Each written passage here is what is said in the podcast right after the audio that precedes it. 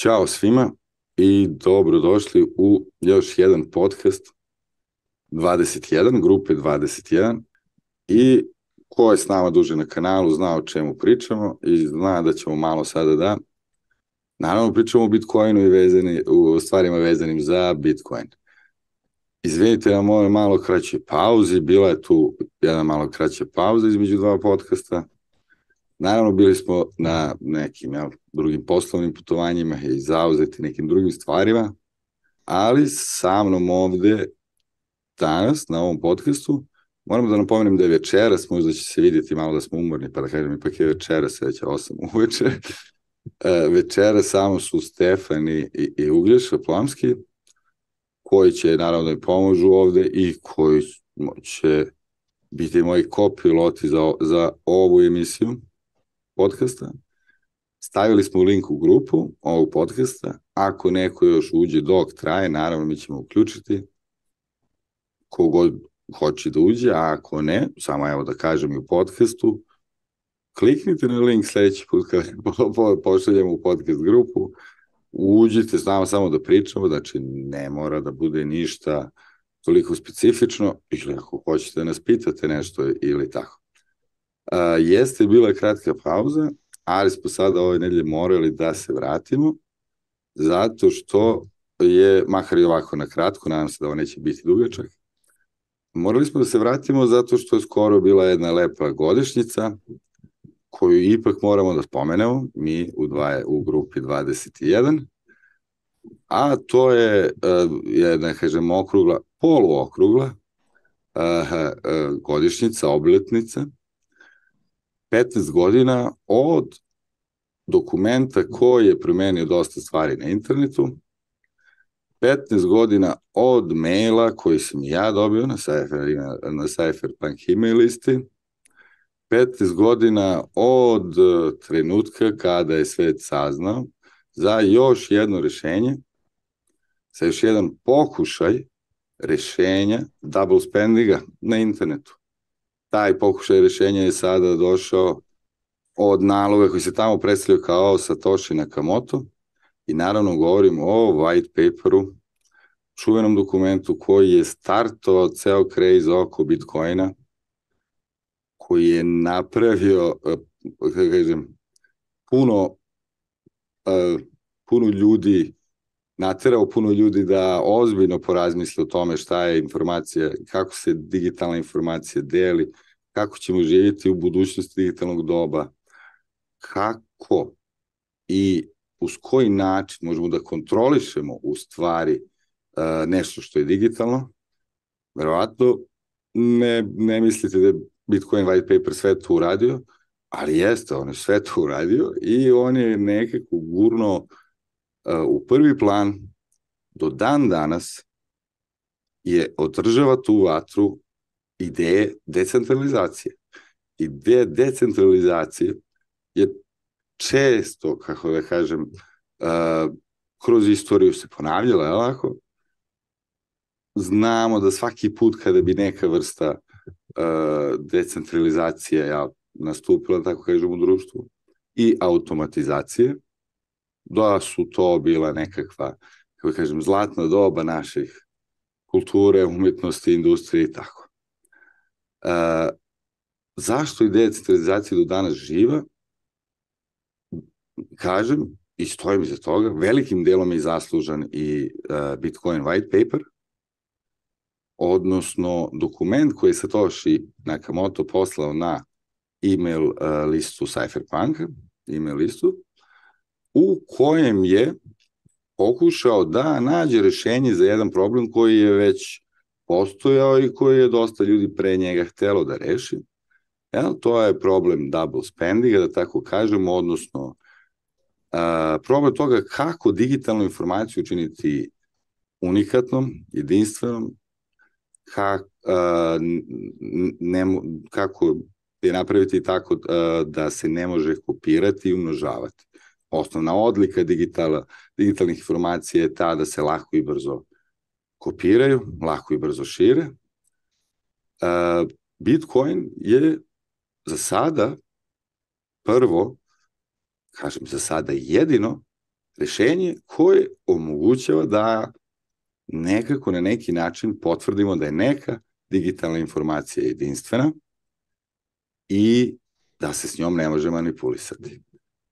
Zašto kažem da je Satoshi pokušao da nađe problem, uh, rešenje za neki stari problem, tako kažem, zato što je pre njega bilo dosta ljudi koji su pokušavali ovo isto, verovato ste čuli za najpoznatije, najčuvenije, uh, kao što je Proposal for E-Money, ja mislim, od Dai Beja, uh, matematičara i, i, i programera iz Hong Konga, ja mislim, ili ne znam, ako ima neko u grupi ne zamerite, ne znam da li tačno iz Hong Konga ili Kine, znam da je to reka razlika, jel, njima tamo velika, mi to malo manje možda razlikujemo. I, ove, ovaj, i uh, taj e-money, ideja o tom elektronskom novcu i tako tome, uh, kažem, decentralizovana zato što je sam internet decentralizovan po svojoj prirodi. I jedini logičan i normalan redosled stvari bi bio da i ostale vrednosti na internetu budu decentralizovane. Pa je tako Satoshi ovaj, predložio, naravno, kome drugom nego cypherpunkerima, da se napravi sistem elektronskih, elektronski, uh, sistem elektronskog plaćanja, electronic payment system, sistem elektronskog plaćanja, baziran na kriptografskom dokazu, a ne na trećoj trusted strani, tre, third party, jel, kako mi danas to volimo da kažemo na engleskom. Jedini slučaj gde to zaista tako radi, da tako kažem, uh, u istoriji civilizacije da postoji da nešto zaista dobro radi, bez uh, centralnog uplivanja, cent, ovaj, bez upliv, upliva centralne strane nekog centralnog tela koje to odobrava ili standardizuje, da napomenem, jedini slučaj da tako nešto radi je internet, sam internet. Internet nema centralno telo koje upravlja internetom, internet nema e, zakone ili nekakve, kako da kažem, e, hardcore embedded uh, propise koji sprečavaju povezivanje. I postoje otvoreni standardi i po decentralizovanom sistemu internet radi ja, kao, kako da kažem, mreža, mreža, network of networks. Slična stvar, sličnu stvar je predložio naravno Satoshi, ali je u ovom dokumentu od 8 i po 9 strana, mislim 8 je pisanih strana i onda ima još računica na kraju neka, ja? U ovom dokumentu opisuje taj sistem elektronskog plaćanja koji bi sprečio double spending i kako kaže sam Stoshi, the solution we propose begin with a timestamp server. Tako da je u suštini uh, ideja da tako kažem, ja, najbliži ideja Bitcoina bi tako bilo, da, da bi implementirali distribuiran timestamp server, koji je na peer-to-peer -peer bazi, mi moramo da koristimo nešto što se zove jel, proof of work, odnosno koristimo određenu vrstu uh, algoritma koji je bio poznat naravno pre toga i, i, i među ljudima koji se bave inkripcijom i inače na internetu, ali opet ponavljam, znači sam Satoshi kaže da je Bitcoin u stvari jedna vrsta implementirane ideje o distribuiranom time stamp serveru. Proof of Work je kasnije postao mnogo poznatiji, mnogo popularniji nego bilo što drugo iz celog ovog papira, ali samo pre nego što naravno uključim Uglješu i Stefana da ja ovde ne držim nikakvu banku, da ćemo naravno pričati o Bitcoin white paperu, pre toga samo još, eto, i da napomenem, da Bitcoin white paper nije nikakva Biblija, nije religijski dokument, relikt ili tako nešto koji se bespogovorno uh, sprovodi do dana današnjeg, već je naučni dokument matematički pokazan kako rešiti jedan problem koji je do tada bio, ja, da kažemo, nerešiv, a to je taj double spending, i često mnoga rešenja od, a, koje je predložio sam Satoshi Nakamoto u ovom dokumentu su u stvari kako da kažem, samo jedan prelazni korak, uh, samo jedna, u stvari, posljednja faza istraživanja i rada mnogo ljudi na tu temu. Evo, ako sad bi uključio Stefane Ugljišu, Stefane, Ugljišu, pre svega, sretan vam White Paper Day. Ja mislim da to sad je neki praznik, da? Kao zvanično, poluzvanično, među BCC elitom. Tako se priča. Nezvanično saznamo. Ćao, čao. Zdravo svima, pozdravljam ovaj, slušatelje. Ovaj, Da, jeste, to je sada, ovaj, sad se to obeležuje kao neka godišnjica. Ovaj, uglavnom u Bitcoin ovaj, prostoru ljudi obeležavaju 3. januar. Ovaj, mnogo je više, januar. tako je, da, mnogo više se obeležava 3. januar. Da, kao kada je mreža pokrenuta. Znači, to je meni dosta zanimljiva, zanimljiva činjenica da je ovaj, Satoshi izdao taj white paper, kako si rekao, na toj cypherpunk grupi, ove, ali da je to uradio napred, znači da je prošlo tri meseca pre nego što je on u stvari pokrenuo projekat, da kažemo, znači on je to izjavio, kao što ti kažeš, kao naučni projekat koji su, ja sad ne znam, od početka kad su ljudi pokušavali da urade taj neki electronic cash sistem, ali verujem da to nešto bilo od 70-ih godina da su ljudi pokušavali to da urade. Ovaj, ali da, to je nešto što je zanimljivo, da je on to jeste, stojali su užasno puno ljudi iza njega, ovaj, to je pre njega ovaj, u tom postupku, ali ja ne znam sad, ti nam sad služiš kao neki ekspert ovde, Arvine, pošto si istoričar ovog Jesam, pokreta. ponosno jesam, da. Pari, učesnik, učesnik ovog Baš pokreta. tako.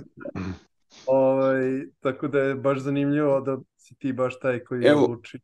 Je, evo, na primjer, zašto, kako da kažem, da, zašto se moja fascinacija white paperom možda malo manja nego ostalih ljudi koji su ovaj, koji znaju za white paper, da tako kažem.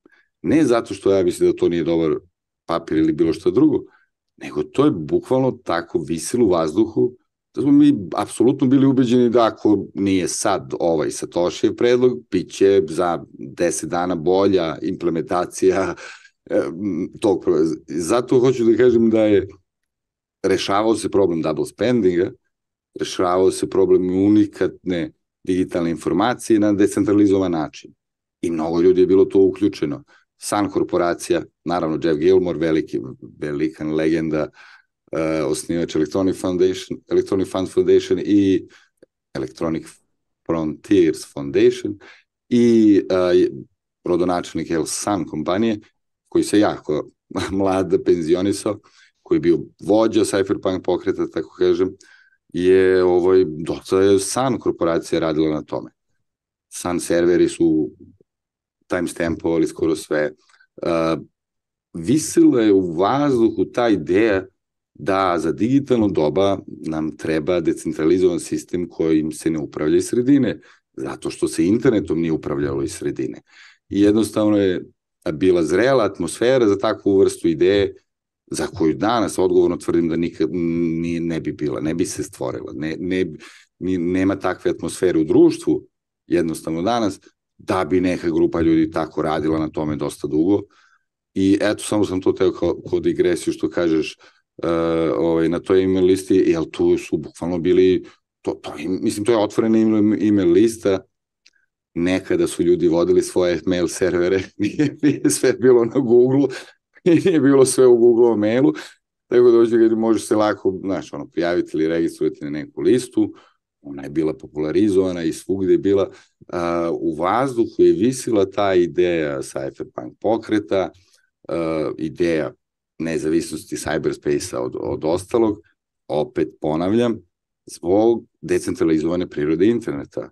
To je bio prvi put da zaista vidimo moćno oružje decentralizacije na delu, Kao što znate, internet je, internetom se rukovodi iz ne, sa necentralnog mesta, tako kažem, postoji mnogo root servera koji imaju kopije podataka celog DNS-a, da ponovim ovo, postoji mnogo root servera koji imaju kopije DNS, znači ne 13 root servera kako ste slušali ili, ili videli na TikTok videu, nema samo 13 root servera, 13 je važnih root servera koji potpisuju sertifikacije, postoji puno root servera, i e, širom sveta i jednostavno najbržom tra, trajektorijom se rutuje jedan paketić sa jedne strane sveta na drugi tamo u tom paketiću je digitalna informacija.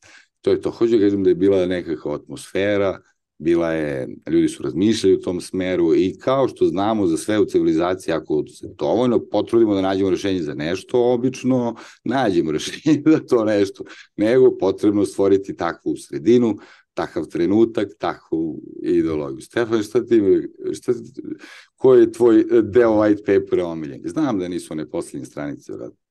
Da. E, kad si, sad interesantno kad si rekao omiljeni deo white papera, znači kada smo ovaj, bili u Amsterdamu, imali smo prilike da upoznamo momke iz 21 grupe koji su ovaj, holandske 21 grupe i čovek ima famoznu formulu istetoviranu na, na listu noge, znači ovako, znači da se baš vidi. I njegovo objašnjenje je bilo kao ko zna šta je, svi se oduševe kao wow, bravo, a drugi ljudi gledaju kao nešto i ne, nemaju ovaj pojma šta je, tako da to je ovaj, jako, jako interesantno što se toga tiče. Eto. Totalno je subkultura već postalo sve to vezano za Satoshi, ali najviše za taj lik Satoshi, kao ko jel, je bio Satoshi.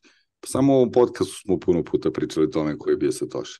Evo ću kažem šta, sam, šta se meni tada činilo. Ja tada sam bio ubeđen da Satoshi nije jedna osoba, najiskreniji. U, da to nije jedna osoba, da nije jedan čovek ne, meni to nekako tako, naravno nemam ja nik, nikakve dokaze za to ili bilo šta, nego hoću da kažem kako je to izgledalo. I da budem iskren, do dan danas mislim to.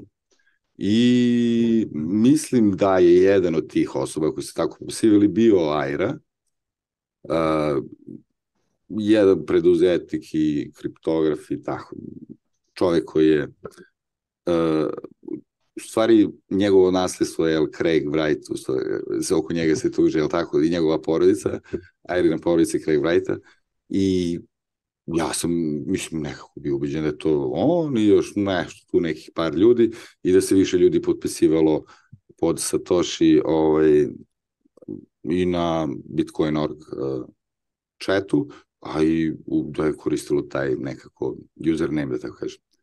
Ugi što si hteo sve? Ugi, koji je tvoj najmiljeni deo Bitcoina? Jesi šta imaš istetovirano i gde, iz white paper? uh, istetovirano nemam ništa, ali hteo bih da te pitam, ovaj, ok, pri, pričali smo o tom timestampingu i pričali smo o decentralizaciji. Po mom mišljenju, uh, jedno od najvažnijih delova, ovaj, to nije po mom mišljenju, nego generalno ja mislim da se to Slobodno reci, po tome što neću. da, je, da je Satoshi ovaj, uspeo da obavi decentralizaciju to, tog celog sistema. To je ono što je bitno. Znači, ti si već navodio da su bile neke druge drugi entiteti koji su uspevali da rade timestamping, ali to je kroz istoriju uvek dovod, vodilo na centralizaciju, jel? Ovaj, I Kako je on to uspeo da uradi je šta, Arvine? Šta je najbitnija stvar? Centralizacija, apsolutno si u pravu. Kažem, uspeo da uradi zato što je video da internet radi. A proof of work. Pa da, rekli smo malo pre, gde si ti bio? Palio si vatru. Ove, šalim šta, jeste, ove, da, spomenuli smo to, naravno. Proof of work. I on uspeo da uradi tu decentralizaciju, to je ono što je najbitnije. Tako je, da, apsolutno. Znači, kažem, u samom, u samom Bitcoin paperu na drugoj stranici, ja mislim, da opisuje proof of work, uh, to počinje sa to, in, to implement distributed timestamp ledger, we on a time on a peer-to-peer -peer basis, uh, we will need uh, to use a proof of work similar system to Adam Beck invented. To, evo sad parafraziram, možda sam promijašao neku reč, ali mislim da to piše na drugoj stranici. Ali, trebate pročitati i dalje od toga. Dalje piše rather than newspaper or Usenet posts. Tako da to se pre toga radilo bukvalno pa novinama. Znači, zaista, prvi, znači, i do danas traje taj novinski, taj novinski blockchain, ja mislim, koji pokrenuo 97. ili 98. ja mislim, u, u New York Timesu.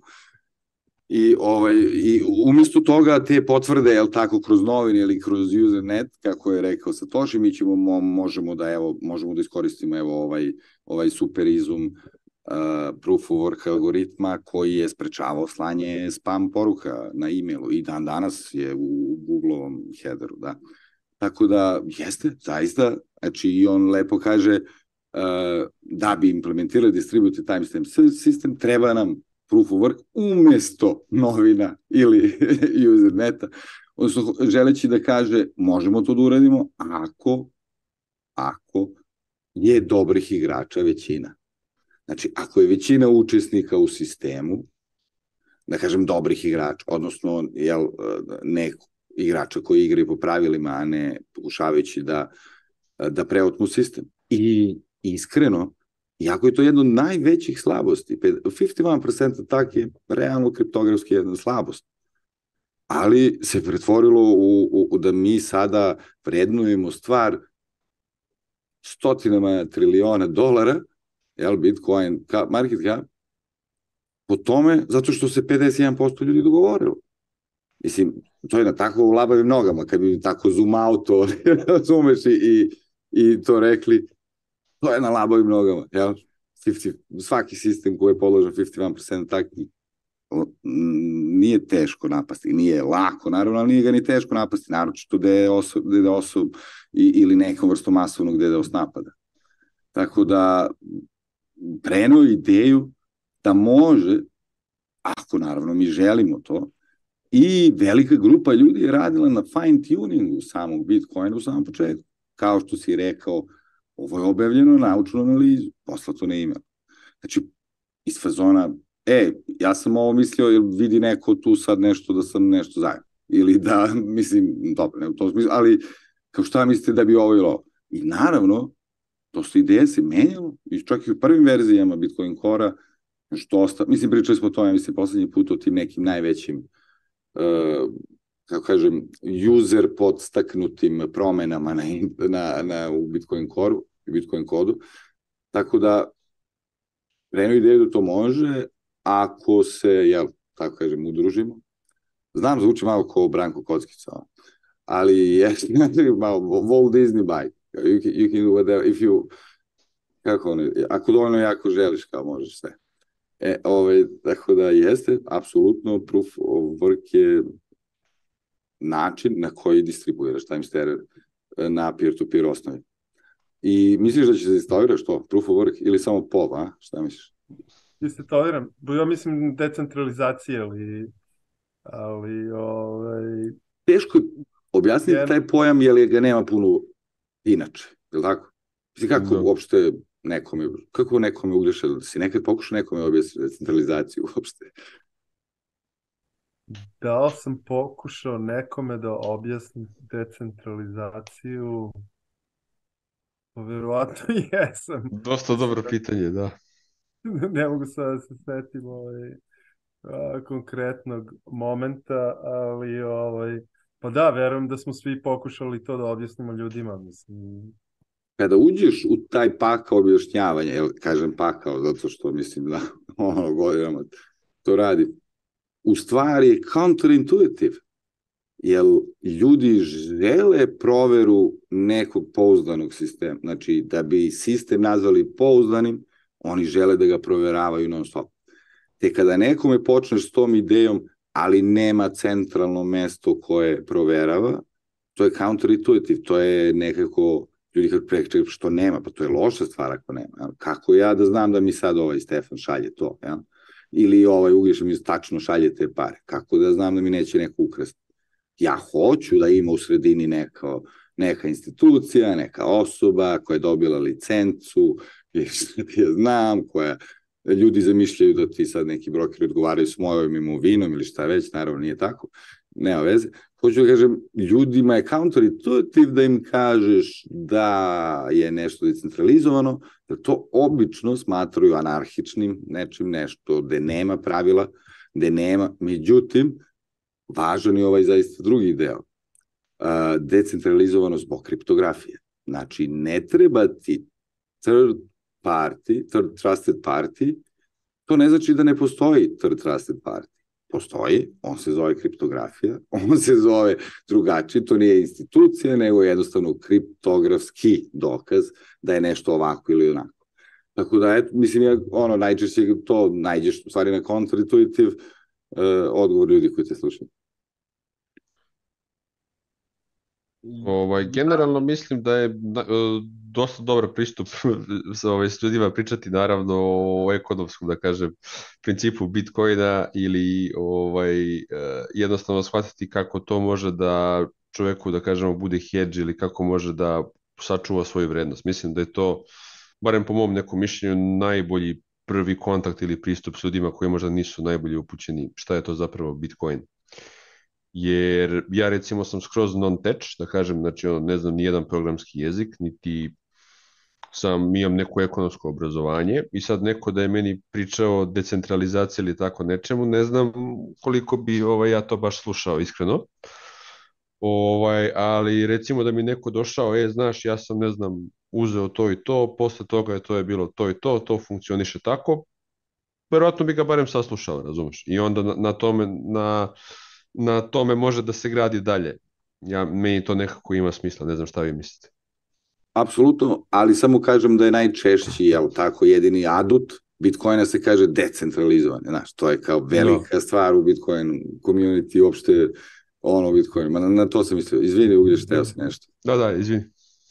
Ja bih samo ovaj, rekao da to je, kako kažeš, counterintuitive, ali to je generalno zato što ljudi kada razmišljaju o decentralizaciji, za njih to znači haos, znači anarhija. A, anarhija, bezlošće, da, ne zna se u do, dobrom smislu, nego anarhija kao nešto bez pravila, mislim, svako radi šta hoće, decentralizovana, nema zakona, ali Bitcoin je unikantan u tom smislu da je on decentralizovan, ali, ali je ali operiše sa pravilima matematike, fizike, realnosti, istine i on je decentralizovan u smislu da su svi svi su ove, imaju moć da utiču na mrežu, ali utiču na mrežu samo onoliko koliko pravila igre njima to dozvolja, dozvolja, dozvoljava.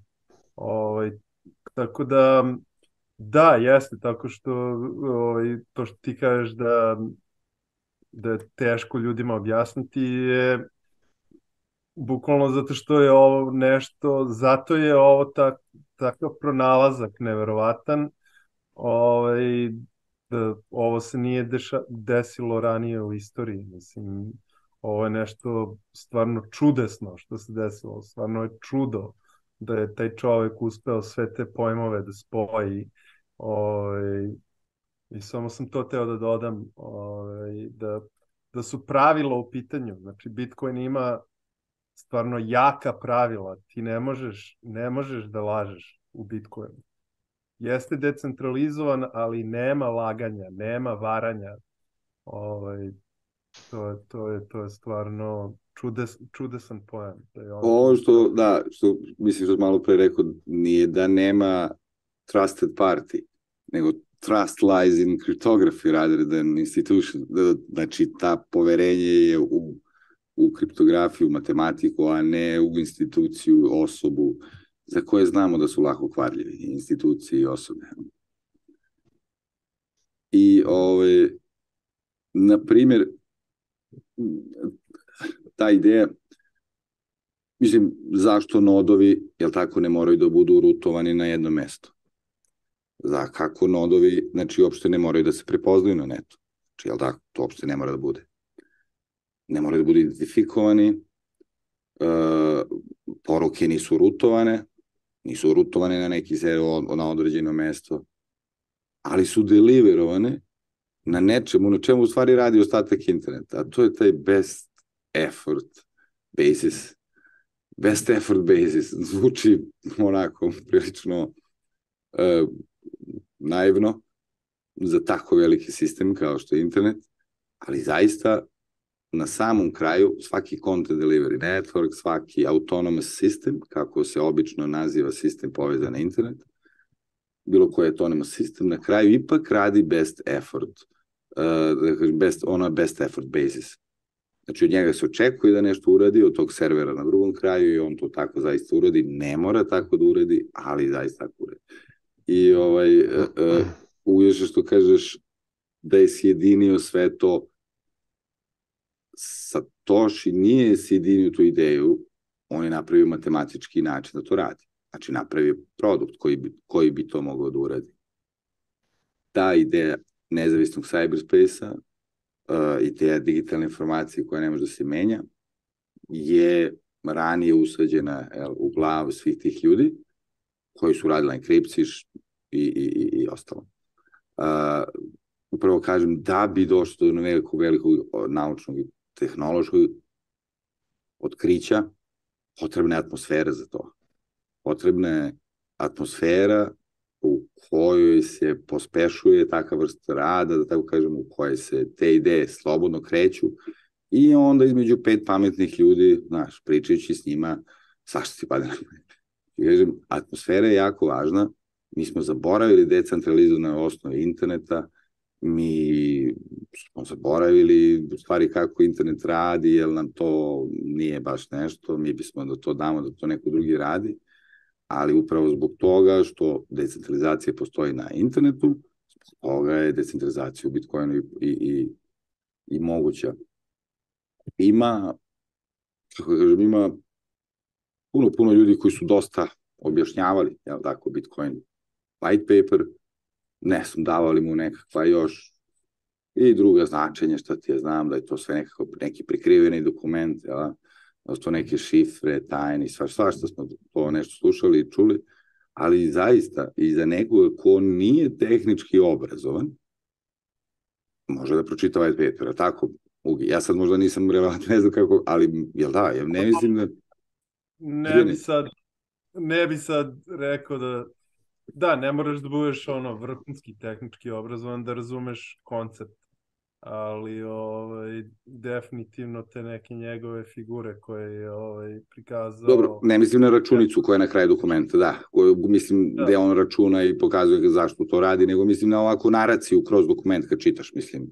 To su reči koje su, kako kažem, electronic payment system, cash, electronic payments, nodes, network, to su osnovni, mislim, osnovni neki pojmovi koji danas no, dosta ljudi razume.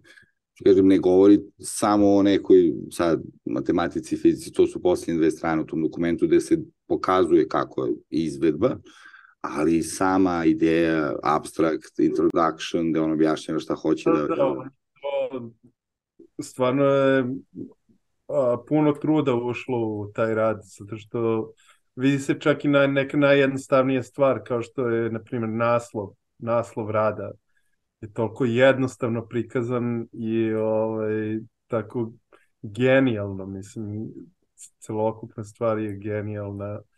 Ovaj jeste da tu postoje neke greške i možda neke stvari koje na kraju nisu i dalje deo Bitcoina, ali u tom momentu u istoriji da je on uspeo sve to da poveže je stvarno fascinantno, mislim, ja ne, ne znam šta drugo kažem, nego da je čudo, čudo. Stvarno čudo. I, I zato je, ovaj, ne znam da li da li vam ko, i koliko vam se sviđa taj termin koji sad je počeo nešto da se koristi češće, Satoshi Vision was this, was that. Ja, ne, mislim, zaista, stvarno, morate da chill out malo ljudi, mislim, stvarno s tim kao oni, mislim, ovo i ovo, mislim, stvarno, pročitaj, mislim, oni ti, ti postoji na grupi na bitcoin.org, ili taj, su javni, to je sve public, vidite, pa pročitajte, da čovjek za sebe kaže da je, izvinite, glup sam, nisam video. Mislim, ne, ne, nemojte da pravite bogove od ljudi, eto, tako kažem, ja. To je protiv, to je protiv i razuma, a i protiv religije, koja je religiozna. Defo, da. ti misliš da je on božanstvo ili ne? Aj reci. Da se toši? Ne. Pa ne znamo da li je jedan čovjek, ne znamo da li je muško, ne znamo da li je žensko, ne znamo ništa. A ovo što ne znamo ni za jel, tvorac da. Možda je bio muško, a sad je žensko. identifikuje. E, mislim da bi to ubilo pokret. A dobro bi, ovaj, um, dve stvari sam hteo da kažem. Dobro, o, ovo drugo mogu da sačuvam za kasnije. Uh, jednu stvar i to je ovo što je on upisao, dobro, to se desilo tri meseca kasnije kada je uradio prvi blok, ovaj, da je upisao poruku.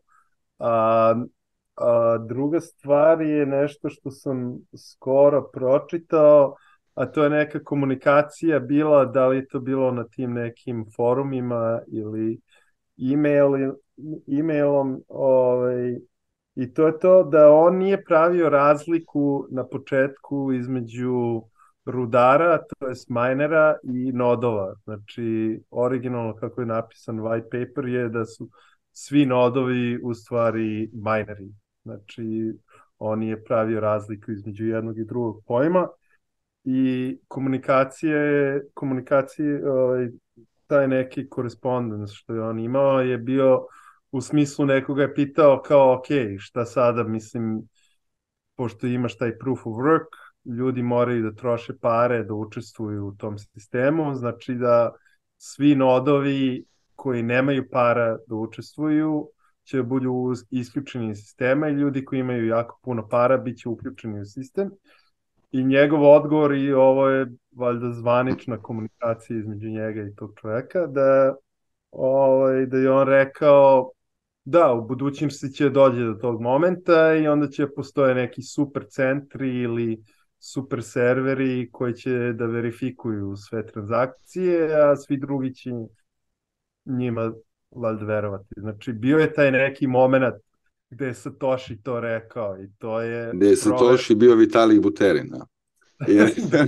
Satoshi je, znači, to što kažeš da, je, da li je on neki ovaj, Božija istina ili ne, očigledno da nije, zato što je on bio grešnik i on je sam, dobro, jeste to bilo na samom početku, ali on je i dalje očigledno ako je to rekao, to je značilo da on nije mislio da je decentralizacija njegovog otkrića najbitnija stvar, jel da?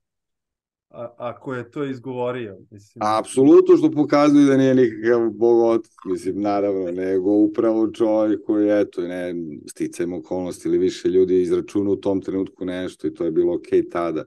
Mnogi ostali ljudi su nosili taj duh, so there is no Satoshi vision, there is your vision, postoji tvoja vizija, tebe koji koristiš Bitcoin i to je to, otprilike. Nikakva druga vizija ne postoji. Znači, bukvalno je Uglješa sad ispričao da je Satoshi jel napisao, ok, to, ali jednom će biti proof of stake. na da. kraju kraja, da. Te Ugi bili skoro u hubu, ajde da možda ljudi ne nema više ovim paperom i ovim stvarima, jeste bili skoro u Beogradskom hubu, šta se tu dešava, ja nisam bio dugo, jel imaš možda nešto da vam kažeš o tome? Pa da, imamo do, imam dosta, kažem, ali samo pre toga, samo da nadovežem ovu drugu stvar, ovaj, um, ovo što je on uradio, što je ubacio poruku u Bitcoin ovaj, na samom početku, um, po meni to znači da je on imao neku viziju da je Bitcoin neću sad da kažem više od financijskog nekog sistema za svet, ali da je to možda je teo da poruči da komunikacija i decentralizovana komunikacija je isto jako bitna stvar. Sad, da li je on hteo da kaže da je da su pare u stvari komunikacija i sistem jezika i tako to, sad ne znam da li vi imate neko mišljenje tome. Iskreno, to što je, je britanska novina, naslov britanskih novina na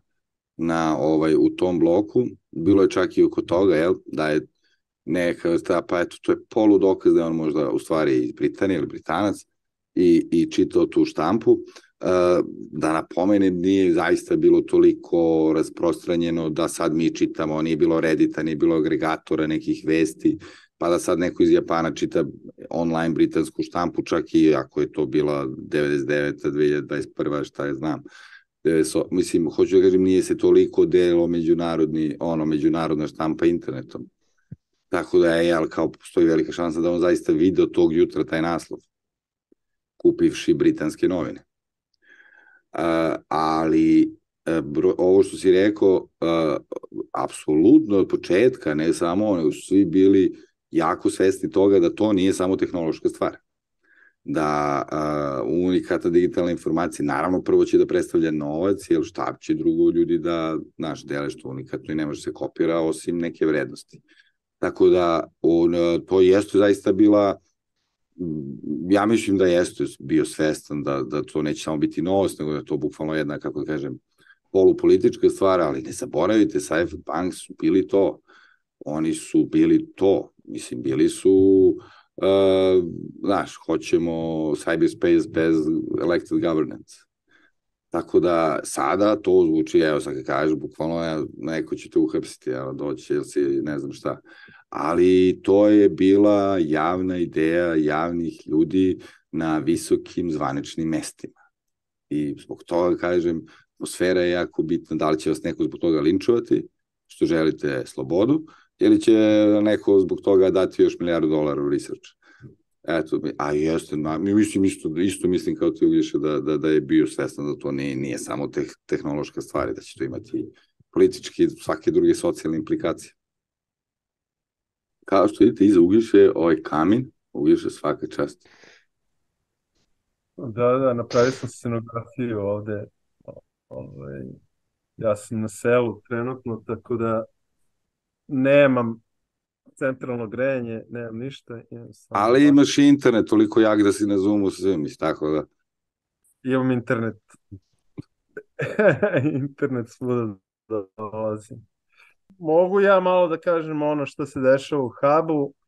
Ovaj, ja bih počeo sa o, znači ovaj, Beogradski hub, mi imamo rebranding, ovaj, sad se zovemo Hub 21, ovaj, to je u stvari zanimljivo ime, kao što svi znamo, 21 milion bitcoina je najviše bitcoina što će ikada biti u istoriji čovečanstva zaovek i uvek. Um, znači mi se zovemo Hub 21, ali Da, i dalje smo Beogradski Bitcoin Hub. O, šta se tamo dešava trenutno? Jones, ne znam da li mogu da uradim screen share. Ovaj, The Jones koji je jedan od um, osnivača Bitcoin Huba, on, on je ovaj, glavni čovek iza kompanije koji se zove Peak Shift. Ovaj, on, organizu, on je organizovao uh, turnir koji se zove Legends of Lightning, ovo je Volume 2. Um, znači, Jones organizuje te uh, turnire za Bitcoin projekte uh, i to je nešto jako zanimljivo što se dešava zadnjih meseci i po dana ovaj, iz huba, iskreno, tako da oni svaki dan imaju neke streamove, neki projekti prikazuju svoje ove, napretke i tako to. Ovo je ovo je takozvani hakaton, znači ljudi koji imaju neke ideje, hoće da razviju tu ideju, imaju neku šansu da dobiju neke financijske podrške iza njihovih projekta. Ovaj, I to je stvarno uzbudljivo za nas. Ovaj, mislim ovo je već drugi put da on to radi, a, mislim da je prvi put bilo pre jedno šest meseci. I teo bi samo da okrenem pažnju ljudima ovaj, ovo su ljudi koji podržavaju njegovu kompaniju i taj ceo projekat, ali ovo je ono što je bitno, znači ovaj, nagrade i šta se može da dobiti, znači jedan ceo Bitcoin je up for grabs a, za ljude koji učestvuju. I to je ono što kad smo mi počeli da radimo sa ovim Bitcoin hubom a, ideja je bila da mi stvarno imamo gomilu talenta u Srbiji i u Balkanu generalno ovaj, da a, stvarno nema smisla da mi ne učestvujemo u ovakvim stvarima.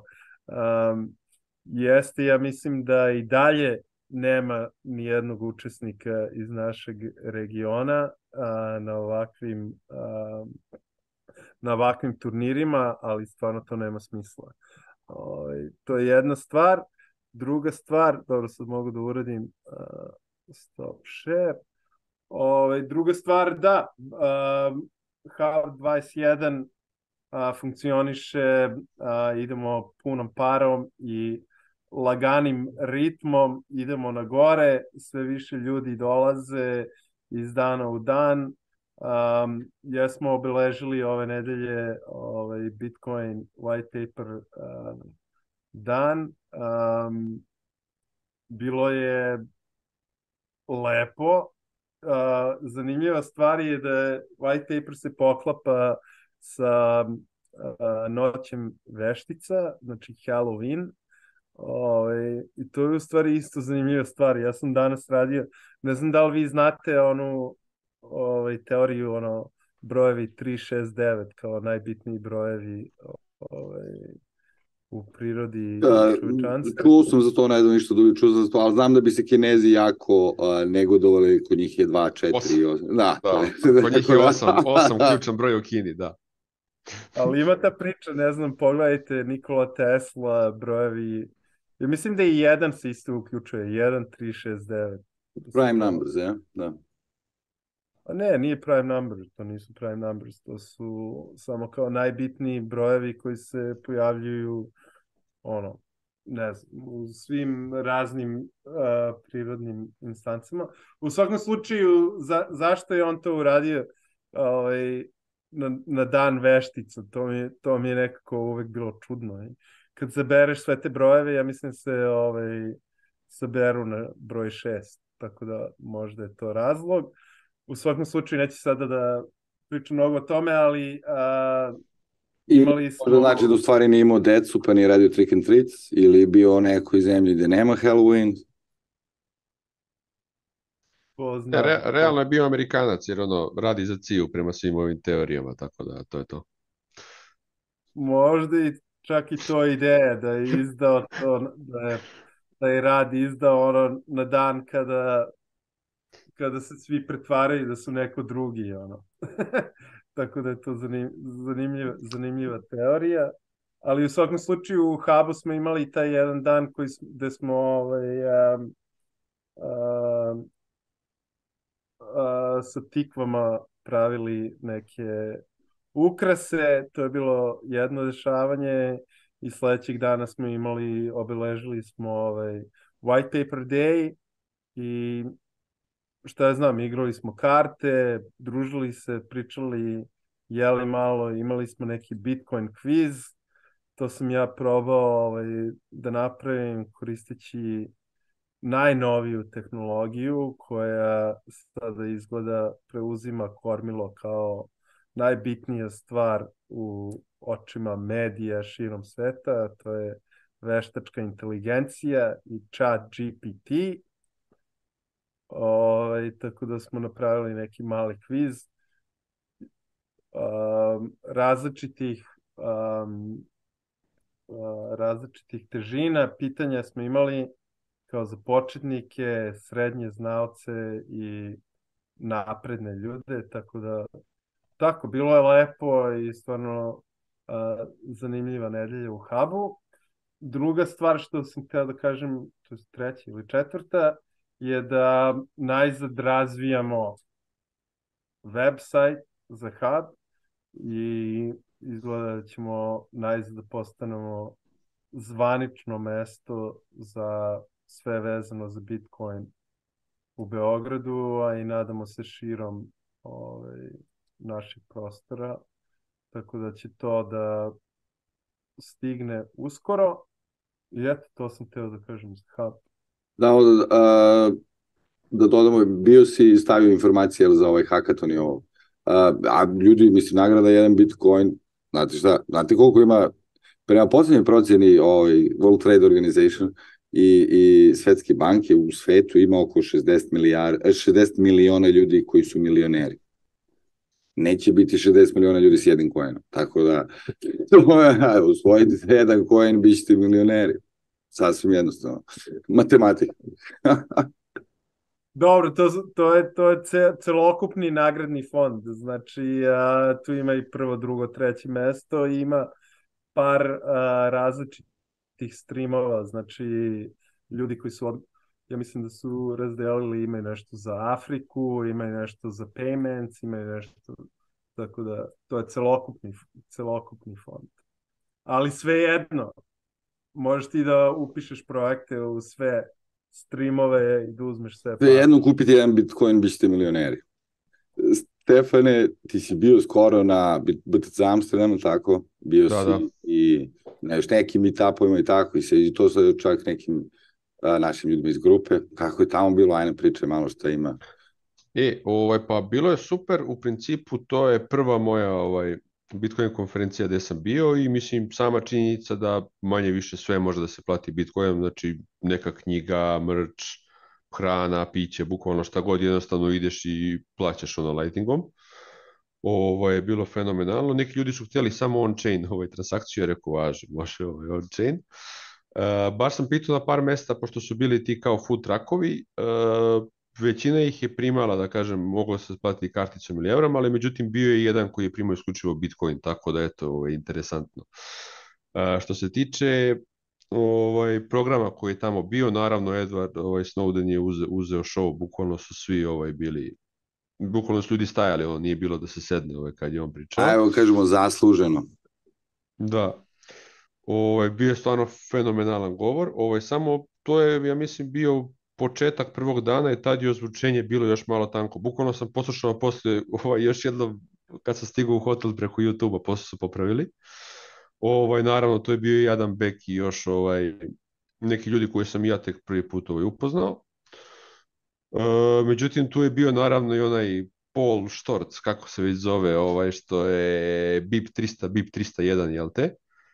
I onda je to bio još jedan čovjek, zaboravio sam kako se zove, koji se s njim tu raspravljao, I to je bilo ovo jako interesantno. Mislim da je to bilo naj, naj onako žustriji, da kažem, nastup, ovaj, jer ljudi su bukvalno počeli da se raspravljaju o protokolima, kako stvari rade, kako ne rade, Ovaj, I na kraju je taj Pal Štorac došao do toga da, ne treba, da on ne želi da menja layer 1 i na kraju je manje više sam se složio sa sagovornikom da, da treba da se menja layer 1 da bi se ove neke stvari koje, za koje se on zalaže ispunile.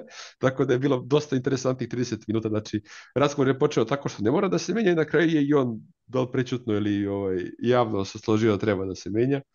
Ovaj, tako su neki ljudi smejali. U jednom trenutku je pitao neko isto ko ima ordinals, to je bio onaj Đakovo, kako se zove, Italijan, da isto se raspravljao s nekim eh, čovjekom koji je isto promovisao ordinals i onda je taj pitao kao ko ima ordinals i tipa dvoje ljudi diglo ruku i kao uuu, ovaj fazon niko nije imao bukvalno ordinala se tu i eto, bilo je, kažem, nekih interesantnih, bilo je stvarno i nekih groundbreaking tipa ovaj Snowden što je pričao, ovaj, svakako jako, jako lepo iskustvo. Posle smo se ovaj, naravno tu i družili, da kažemo, s lokalcima. Kao što sam pomenuo na početku, upoznali smo tu ovaj, momke iz 21 grupe holandske, koji su ovako malo, da kažem, ono, imaju agresivni pristup na meetupima, znači imaju ovako neke flajere i dole piše ono, no shitcoin talk, no, no photos, ono, kao imaju neka svoje pravila. Ovaj, bi tako dosta interesantno, pričali smo o nekim raznim temama, oni su pričali tu šta se dešava kod njih u državi. Mislim, ja ne pratim mnogo dešavanja u Holandiji, jedna od tema koju sam ja ispratio je zatvaranje nasilno onih farmi, ne znam, 2-3 hiljade, šta su radili zbog onih uh, CO2, kako se to već zove, šta se to dešava. Emisija ugljen dioksida, da, zbog da, toga da. su, evo, kažemo, ljudima zatvorili su i, i dosta farmi rasformirali, da. farmi životinskih u, u Holandiji. Da, ovaj, šta sam se ja sve, ovaj, i ovdje posle pokazao ovaj, tu snimak, isto na YouTube-u, ja gledam ono sve najnoviji traktori, kombajni, ono kao da iz, iz, iz fabrike izašlo pre 5 minuta, znači oni blokiraju ulicu, ono je sve, znači ono je novije nego 25% automobila u Srbiji, razumeš, znači ne možeš da veruješ, brate, kombajn ono kida fazon, razumeš, ovaj, i ne znam, pričali su da se jako stvar, loše stvari dešavaju kod njih, da ljudi ne obraćaju pažnju na to, da kao vlasti generalno uvek nađu neko kao rešenje, to će da se nadoknadi ovako, onako, ali ima ljudi koji gledaju jako negativno na, na ovaj, ta dešavanja. I eto, to je bilo što se tiče toga, kažem, prvog dana, posle drugi dan su isto... To je isključivo neki... Bitcoin konferencija, tako? Bili su samo Bitcoineri. Uh, da, generalno, ja sam, bilo je, pošto je bilo u više, znači bilo je, da kažemo, taj glavni e, Genesis stage, kako se zvao, bilo je još par stage-ova i bilo je, da kažem, poseban prostor sa, to je kako odemo kod nas na sajam, pa imalo 5-6 različitih da kažem tako, i video sam neke štrandove gde se pominje ono cryptocurrency, gde ovaj, nije baš, nis, nisam baš tek utisak da je sve 100% bilo Bitcoin, ali bar ove govore što sam ja slušao, da. Znači, bila je ono, većinski, da kažem, Bitcoin. Iako se oni, naravno, predstavljaju kao te, Bitcoin, magazin Bitcoin only ovaj, konferencija. Moglo se primetiti neke stvari koje baš možda nisu bile skroz Bitcoin, eto. Jel Jack ima, Jack je vodio razgovore tako sa Snowdenom? E, Koliko sam vidio na, na Twitteru? Ne, ja mislim da je to bila nešto drugo, nije, nije bio ovaj, ovde. Ok, mislim da. Snowden zaista je jedna ličnost koja je onako, uh, kažem, više dimenzionalna. Ajde, tako da iskoristim šta je te. Ove, ovaj, I do, znači, To je lepo vidjeti, da. Da, gener, generalno stvarno super utisak, ovaj, pričali smo tu baš sa dosta ljudi, ovaj, svi su ono, naravno, uh, kako da kažem, uži, uživali u sebu tome, ja mislim prvi, ono, jer ja tek kada putujem negdje u inostranstvo mogu da kupim neke stvari, da platim bitcoinom, ovaj, tako da nadam se da će to promeniti i kod nas u buduće. Apsolutno. Kakav ti bio, kakav ti bio osjećaj kad si to radio. E, bio je fenomenalno, do duše nije bio prvi put, ali recimo bio je prvi put da sam sve stvari koje mi trebaju u toku dana platio Bitcoinom. Ovo je stvarno je fenomenalno. Mi smo posle išli u taj neki kafić, kao da kažemo after posle tog konferencije, koji isto prihvata znači, Bitcoin, znači tu naročiš isto klopu, piće, šta god ti treba, na toku konferencije isto. Znači, bukvalno ceo dan sam proveo, jednostavno sam plaćao ono Bitcoinom. Stvarno, fenomenalan osjećaj, ali inače imao sam pre par transakcija, ono, uglavnom u inostranstvu, kažem, recimo kad sam bio na moru sad ove godine isto, ovaj, drži čovjek burger bar i prihvata ono Bitcoin only, znači nije ono variacija, može da može Bitcoin cash, ne znam, čovjek ono prihvata karticu i prihvata Bitcoin, baš smo ovaj pričali, on kaže da je, ne znam, već par godina u tome, ovaj, u tom poslu i da je od prvog dana ono, prihvatao Bitcoin, tako da ima ljudi stvarno koji koji ovaj da kažem guraju priču, ali u nekim državama gde se na to ili ne obraća preterana pažnja ili gde je ok, pošto ja mislim da kod nas ti zapravo i ne možeš legalno, ali tako, da staviš poz uređaj i da prihvataš uh, uplate u Bitcoin ili grešim. U Republici Srbiji ovaj, da. pošto ćemo se ograničiti na Srbiji, pošto znamo, da. Bitcoin nije platežno sredstvo, može se e, plaća samo da. platežnim sredstvima koje odredi Narodna banka Srbije. Da. Tako da ovaj to bi bilo stvarno super da se kod nas isto ovaj promeni. Možda se vremenom nešto i desi, ali za sad ovaj ne deluje, ne deluje mi tako da Možda grešim, ali mislim da u Srbiji smeš da platiš, ali je ovaj, pravno lice primorano da odmah konvertira u dinare. Jest, da. Mislim, da, to da, tako zato što oni to posle... Da, ne, ne bi znali možda kako to i na porezu i šta da rade kad cena pada, skače, šta da mu rade, kao ajde, prebacuju odmah da to rešavamo ili, ili nemoj ni kačiti i to je to. Ovaj, mislim, ne ja mislim da bi trebalo čoveku biti, da mu bude dozvoljeno da naplati svoje usluge, mislim, na način na koji on hoće. Znači, ako već nije ilegalan sam Bitcoin, što bi bilo ilegalno plaćanje Bitcoinom, ali dobro, that's just me, ono.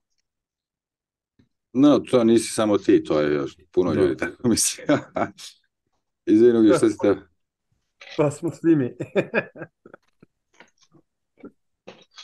Ali jeste dobro, zaista jeste taj neki, kako da kažem... Stefane, nisi sam čoveče. Nisi da. sam. Ideja ovog podcasta bude svetionik. Znači, kogod da sluša, niste sami. Te god da, da ste. Ovaj, ima puno ljudi koji misle tako kao vi da bi bilo cool da mogu da plaćaju Bitcoin. Ali ovo što si ga pitao ugiše kao kakav je osjećaj, mislim, stvarno je, ne znam kako kažem, neka vrsta kao neke specifične, ono, Da. uh, znaš, kao evo, neke samo potvrde, znaš, kao evo, nisam bio budala kao tolike godine, što kao skupljam taj Bitcoin, nadam se da skupljam taj Bitcoin godinama već. I, ovo, I kao, eto, sad zaista sam neki, ono, kako da kažem, dobro se to, znaš, kao kakav osjećaj, osjećaj malo drugačiji, naravno, plaćati je osjećaj plaćati, osjećaj izlaska novca iz džepa, ali kada ovo, nekako je potvrda tog tvog, tog, jel, naša, da kažem, do, duha da, da, da to zaista vredi. Iako znamo da vredi, ali, znaš, opet kad ga primi neko na kasi, onda di ga va. da. da, lepo je. Mislim da je lepo da, da se osjeća čovjek kao da Bitcoin, dobro, koliko god mi to verujemo ovako kad sedimo na internetu, ne znam gde, u Beogradu, na selima, bilo gde, kao da Bitcoin je nešto jako bitna stvar, lep je osjećaj kad dobiješ nešto na uzvrat, kada isplatiš sa Bitcoinom i onda kao, ok, stvarno nešto znači. A, samo bi ovaj, nadvezao jednu stvar, um, a, to što se tiče ovaj, plaćanja u Srbiji, na primer, u Kanadi je slična situacija, jeste to prikazano drugačije, zato što u Kanadi, na primer, ok, ti možeš da plaćaš sa Bitcoinom i biznis koji prihvata Bitcoin ne mora odmah da konvertira u Bitcoin, ali ti kao čovek koji si platio sa Bitcoinom, ti si obavezan da to prijaviš kao da si prodao Bitcoin i kao da imaš, ako si ga kupio sa nekim manjim parama, onda si onda si obavezan za porez, jel?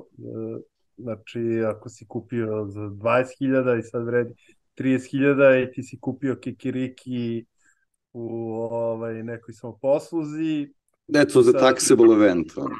To je taxable event u Kanadi. I nisam siguran, ali mislim da je u Americi isti stav, samo što je ovde ovaj, obrnuto, ovde je onaj koji prodaje obavezan da proda Bitcoin i da prijavi to kao Samo se ode da... da se prijavi i sam ode u zatvor malo i sam malo da, leži dok ne sveti šta je loš uradio i on...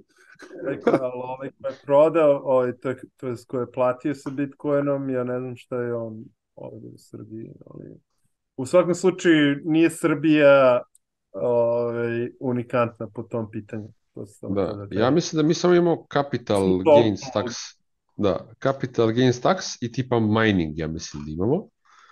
I sad ti ako bi platio nešto, a, da li bi se to vodilo da, da li si ti prodao, razumeš, znači to uopšte nije, ja mislim, regulisano, jer ja možda pošaljem 20 evra sa ono, vrednosti u Bitcoinu s mog novčanika na moj novčanik, a možda pošaljem nekom kafiću koji ono, platio sam, ne znam, par pića i kako sad oni vode šta je prodaja, a šta sam ja poslao sam sebe, reallocate-ovo ja lično. I to je onda jako teško sve utvrditi u stvari. Normalno. Da. To je još no, druga Da, novi zakon digitalnoj svoj, uh, imovini u Srbiji u stvari to određuje da se to može, ali upravo si rekao pravo stvari, jako je teško voditi računa to, jako je teško knjižiti, da tako kažem, provlačiti kroz knjige, objašnjavati šta je koji račun, znamo da Bitcoin račun može se otvori za sekundu, jel, stotine njih za, zato što to nije račun u onom smislu kako država smatra da je, šta je račun i kako, jel, kao što kažemo puno put u ovom podcastu, znači kad imate Bitcoin novčanik, kad gotovi, to nije da, kao vaš račun, to je vaša banka u kojoj možete imati hiljadu računa i možete da ih delite i šaljete i radite da god hoćete s tim novcem. Znači Bitcoin wallet je više banka nego što je račun i nema i teško je knjižiti, praviti te, jel, kako da kažem, pravno, knjigovodstvene, ovaj knjige voditi na pravi način. Eto, to je, mislim, to je, to je jedna, jedna od prepreka. A i kažemo, evo, već su kaže da Srbija nije drugačije. Nije, naravno nije, mislim, nije u suštini mnoge zakonske regulative vezane za financije, se sada donose na globalnom nivou. I centralno najviše kroz uh, Financial Action Task Force grupacije koja se zove Bank of International Settlements iz Bazela, koja otprilike upravlja međunarodnim plaćanjima, odnosno međudržavnim klirinzima i to su odluke sada koji su već videli ste na agendi G7 bili sastanka na agenti G30 i svih tih, kako kažem, globalne organizacija koje okupljaju najveće ekonomije sveta. Te stoga, mnogi ti zakoni, naročito to slanje novca, su međunarodno rešeni na centralnom mestu, da kažem. I jako se malo, ako i ole, razlikuju finansijske kako da kažem, strukture u zemljama sada trenutno. Po, imaju oni koji totalno idu rog, jel, ro, ono, protiv svega toga i imaju slobodne ne bescarinske zone, razni Bahami i ostale i ostale države, ali vidimo da njima nešto ne ide baš sjajno. A, dugo godina je američka administracija i svi na svetu su gledali u Švajcarsku kao zemlju koja je bila to, je tako, neka zemlja koja ima ad hoc izdvojen finansijski sistem i finansijski set zakona. Švajcarska je to ukinula 2014. ja mislim ili 15. na nagovor bukvalno Amerike i, i Bank Financial Settlements. Tako da sećate se onog čuvenog govora Obame da neće više biti Swiss bank accounts. To je bukvalno mm. bilo jel, malte ne zavrtanje ruku. I, ovaj, i, i taman su to sredili čoveče i odjednom novi Swiss bank account se pojavio online u obliku, ovaj, u obliku Bitcoina. Tako da regulacije ne verujem da će se razlikovati u svetu što tiče Bitcoina upravo zato što mu je priroda svugde ista digitalna. Da i onda je, da, tako to, ovaj, Srbije će naravno i, ne znam, možda i ostale balkanske zemlje, ne mogu sada to da pričam, ne znam puno u stanje tamo, ali pretpostavljam da ćemo mi samo u stvari pratiti tu neku regulaciju koja se dešava u Evropi i sve. Evropska centralna banka za sve ljubitelje o Evropske centralne banke u našoj grupi, znam da ih nema ni jedan. O, he, Evropska centralna banka je krenula u drugi, objavila je pokretanje drugog koraka, second step, jel, iz tog njihovog tri-step plana uh, za uh, nastanak digitalnog eura. A, CBDC-a. Tako je, Central Bank Digital Currency. To je ovo što kaže da. Stefan CBDC, to je akronim od Central Bank Digital Currency, odnosno digitalna forma novca, to nikada pre nismo videli, nikada u istoriji čovečanstva, novac uvek imao te, tangible oblik, imao je, mogu je biti opipljiv, a, sada ćemo neki eksperiment sa neopipljivim novcem, a, morat ćemo da verujemo gospođe Kristine Lagarde, šta da radimo, mi koji živimo u Evropi, da. Inače, in, aha, završi ako se... Ovaj... Ne, ne, ništa. Da, e, na prošlom meetupu smo, svratio je čovek iz Nigerije koji je studirao u Beogradu i naravno prvo pitanje koje smo ga pitali šta se desilo sa onom Enairom, e, da. On je ono, malo je da kažem pozamašnije pričao o tome, ali ja ću probati da ovaj, skratim. Znači, on ima neke informacije da su to neki belgijski ili britanski ovaj programeri bili angažovani da to sve ovaj dizajniraju i da naprave. Da je to bilo gurano na sve strane, da su bili neki airdropovi, da mm, su se stvarno potrudili maksimalno i da je to ovaj zapravo jako brzo puklo i ne samo da je puklo, nego oni su zapravo to i ugasili. Znači, to je toliko malo ljudi koristilo da su oni to zapravo ugasili. Ček, ček, ček, e, zvanično su ugasili, ne postoje e, neđe? Tako kaže, on kaže da je, da je to ugašeno, da. Ovaj, kaže da je to jako mali broj ljudi koristio, da oni imaju onaj svoj sistem, a preko mobilnog telefona, sad ne znam kako se to zove. Pesa.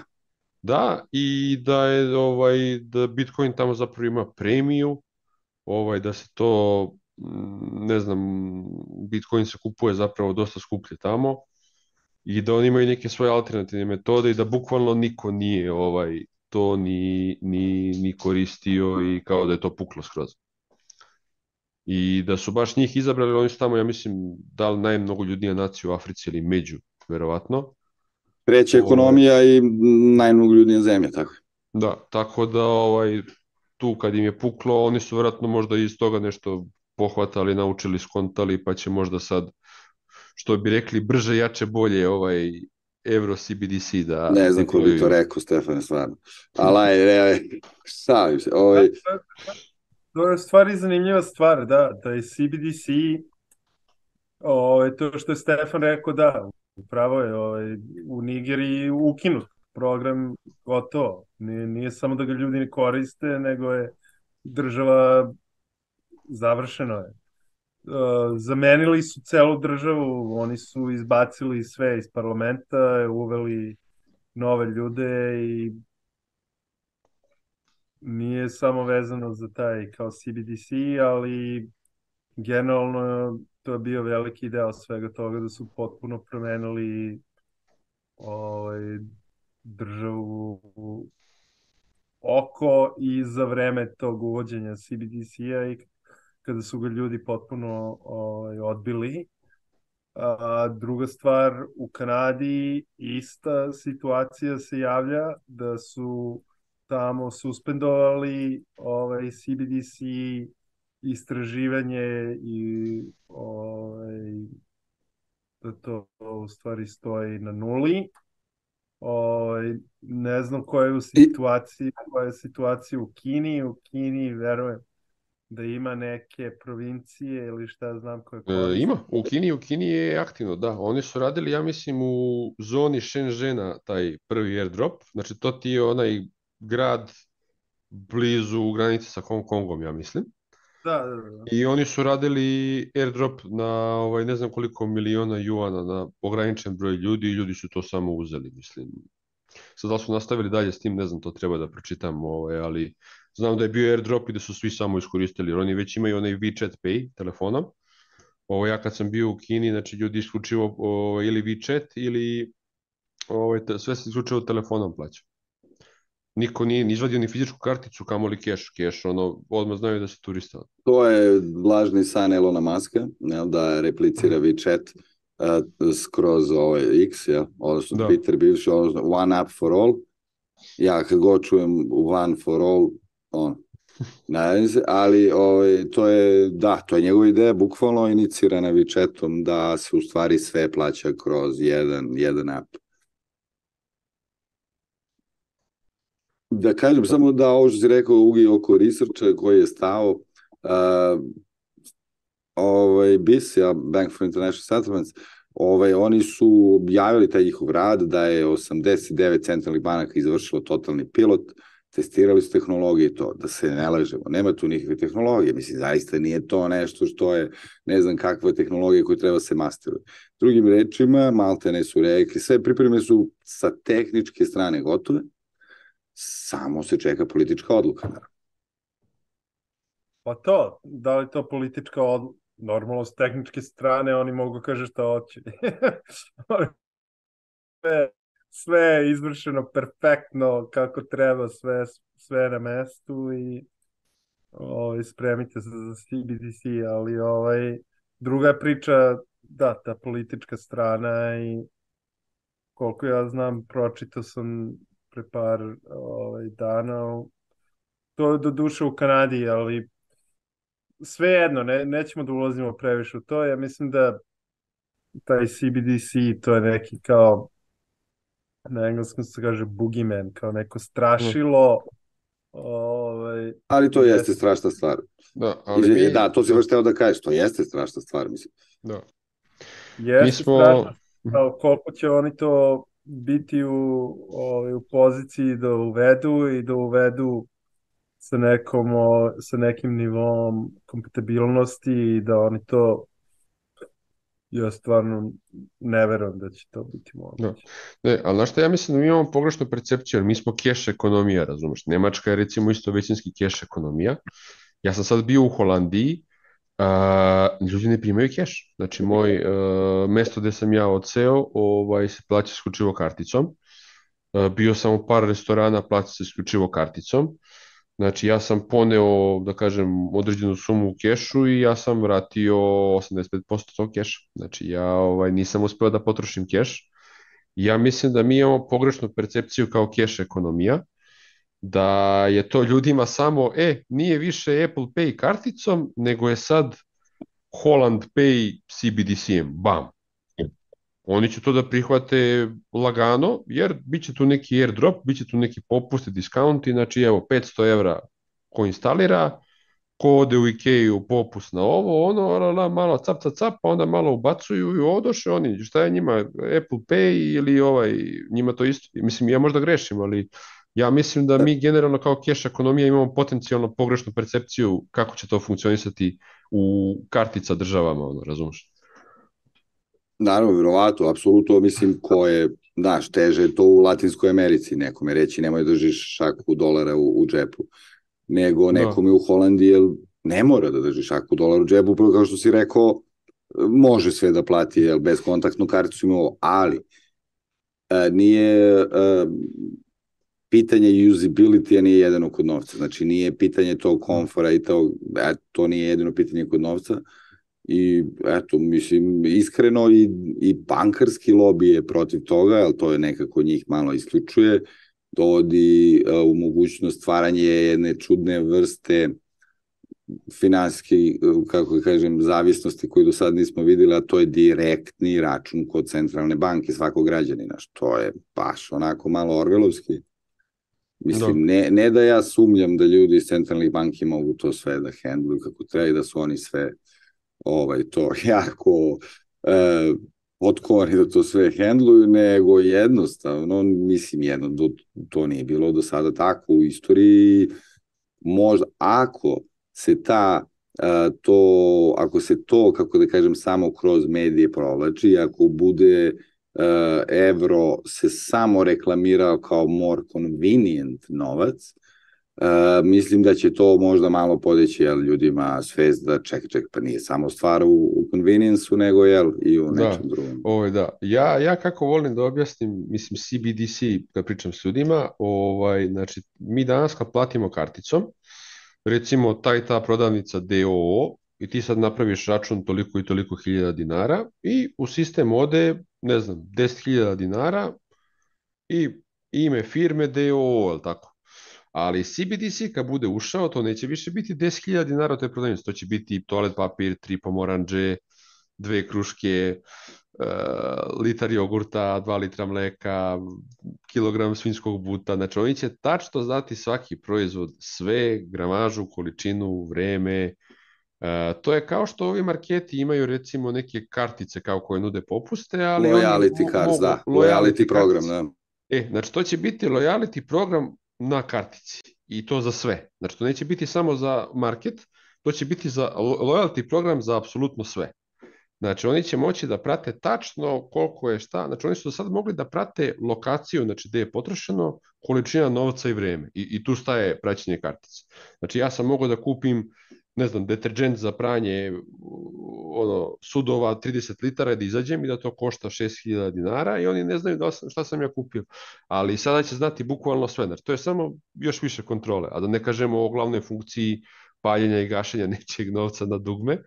Mislim, tehnički gledano to možda se uradi sa bankovnim računom, ali procedura je vratno komplikovanija, tu treba doći do nekog suda, do neke Upravo presude. tako, ima, ima čega, zakonski okvir kako da, se to dešava nas. Ja, ja, meni ovo ne deluje kao neki zakonski okvir, ja mislim da će to da bude push the button, ako dođe do toga. Da će to biti neki predefinisani zakoni u slučaju da korisnik uradi to, to, to, mi imamo prava da to, to, to, da li ti accept ili decline i sad ti ako staviš decline, poslodavac neće ti isplatiti platu ako da, staviš Da, ne može da koristi svoj novac. Pa zamisli to, staviš, pa ne, ali mislim... Accept, ja to tako doživljavam, možda ja grešim, ali ja mislim da će to morati da bude accept decline i ti kad staviš accept, znači ti si presta, pristao na set predefinisanih pravila i ti ako prekrišeš pravilo, on neće morati da sudi, on samo terminatuje. I ja to tako doživljavam, mislim to je jako užasno, kao što si sam rekao, ali ja mislim da ljudi koji već plaćaju slični začinom neće vidjeti to tako i oni će vidjeti neke bonuse, loyalty programe još bolje nego na ovom legacy sistemu i oni će samo da, da uđu i to je to. Ja bih voleo da grešim, ali eto. Ne, a, ne, upravo, viš, ne, da. upravo si, ali samo ima još jedna tu stvar, naravno mi sada imamo, upravo što si rekao, mi sada imamo pravni mehanizam da ako saznamo da je neko zaradio 100 miliona dolara koji su u banci, da ih je zaradio nezakonito ili ih je ukrao od nekoga, mi imamo pravni mehanizam kako to jel može da vrati da. banka da zapleni, da država zapleni kogol već zaplje, zaplenjuje i tako. Ali ovde, u ovom slučaju CBDC-a, govorimo o ovo što ste prvo pomenuli i ti, Ugeša, a to je uh, programmable money, us, ne toliko u smislu tome uh, kao neko će ti uzeti novac, ok, mislim, ako si ga ne, no, nešto ovaj, zaslužio kako ne valja ili si ukro od nekoga, ok, treba da ima neko jel, koji može to da vrati, ali više u ono helikopter money uh, i takve stvari koje su, kako kažem, evo mi vam dajemo, sada naravno sve parafraze lupam, ali evo mi dajemo 100 evra koje ističu 16, mislim, ili koje su uslovljene nečim, koji da bi nešto, onda nešto. To je već politika, to već nije finan, nisu financije, nije ekonomija i to je već, kako da kažem, menjanje malo političkog ustrojstva moći između finansijskog sistema i, i sistema politi, politike, mislim, ili, ili donošenja odluka, tako Uvidiš, da. šta misliš? A, ja bih dodao jednu stvar ovaj, i to je ovo što je zanimljivo što je Stefan rekao. Mi smo društvo koje uglavnom koristi cash. Ovaj, I to je jako bitna stvar. Znači, u CBDC-evima ok, može Kina to da uradi, može Kanada, može Australija, može Nemačka, ne znam šta. A šta se desi sa turistima, na primjer? Kako turisti koji dolaze iz Srbije, gde svi donosimo cash pare u zemlju, kako sad mi učestvujemo, kako mi plaćamo... Kako tvoj telefon može da se nakači na Roger tamo, jel da? I da kako se zove se Roger, beše zove u Kanadi, ona velika. Ali se zove Rogers, da, ali, ali šta sad? Ja dođem u Nemačku i kako sad ja u Nemačkoj plaćam račune kad nemam nemački CBDC? Biće interoperable, biće, aj na srpskom da kažem, moći će ne, da se koristi među više sistema. Ali u Srbiji mi nemamo CBDC. Srbija je odbila. I šta sad? Nemačka Isto, to je dobro pitanje, da, da. Teško će neka država da odbije, odbiće države koji su i sad van finansijskog sistema, kao što su ga neki Bahami ili Maršalska ostrava ili tako neko, mislim. Biće uslovljeno strano, biće uslovljeno međunarodnom saradnjom, biće uslovljeno trgovinom međunarodnom i tako. Biće uslovljeno sa tih da. centralnih mesta, kao što sam rekao, znači ne možeš da imaš clearing, ne možeš da prodaješ na svetskom tržištu, a, mislim, hoću da kažem, bit će verovatno poluge, te sile će biti izmeštene malo više van nacionalnih država. To sam. Da, pa ne, to ako prihvate Nemačka i Britanija, mi smo treći fazon. Ta, tako to ide, razumeš? Mislim, tako da, ovaj, da. Znaš što znači, Nemačka da, se znači, znači, ako Nemačka uvede CBDC, Srbiji ne mogu da idu u Nemačku, ono, pošto ne mogu da kupe hleb. Ne, ne, i to će da, onda biti predstavljeno kao ovaj, fenomenalno ovaj, da ne budemo isključeni, razumeš, od ostatka Evrope, da smo u koraku s vremenom ne, ne. I, i to, razumeš. Ušli ja smo u eurozonu. da. ne, ja, ja ne kapiram scenariju gde celokupno planeta se prebacuje na CBDC. Ne, ne mogu da za, kako to funkcioniše? Ne, ali evo, evo, evo recimo kako meni padam, pa mislim ja ono, ja sam, da kažem, like po tom pitanju, ali ja čisto ono, što se kaže zdravorazumski. Ovaj, znači, postoje neki kurs dinara, jena, juana, evra, dolara i kad bi se to bukvalno samo, kad bi se sve promenilo, ja mislim da bi kurs svega ostao isti, za ne? Pa ne, ne pričam o tome, ja pri, pričam prakti, praktič, u praktičnom smislu. Da li će moći da postoji isto vreme sistem Nemačka je, Nemačka je uvela, da. Nemačka je uvela CBDC, a Srbija nema CBDC. Ne, ne, pa držat će paralelno, ja mislim, ja i evro i CBDC. u Nemačku i šta se sad Ne, ne, Upravo ja mislim... to piše u planu Evropske banke, da će cash da. i dalje nastaviti da, da, da važi dogod ne, se ne a, kako kažem, oni su to rekli until the commission finds its purpose, u suštini dok god postoji neki sistem koji ovaj Ugljiš objašnjava, da god još nema da, da. naš CBDC, do tad ćemo da držimo da možemo im parama, ovo cashom da se plaća. To, onda zaovek, onda je to taj da. scenarij, onda scenarij zaovek. Ja, Ja pričam o momentu kada je CBDC ono kao jedina stvar Pa ne, ali... Mora bi se da dogovore svi ljudi planete to. Da, Ipak to je ali- velika da. stvar. Ne, ne verujem da bi to tako moglo tek da se ljudima uvali svugde na planeti. Ali e- evo ti nasumišan primjer. Znači ti si sad programer, ono da kažemo, imaš ozbiljnu karijeru, 15 godina, imaš LinkedIn profil, šta god. I kreću dobro, ono, stvarno neke dobre firme da se interesuju za tebe, e, ali mi plaćamo CBDC, razumiješ?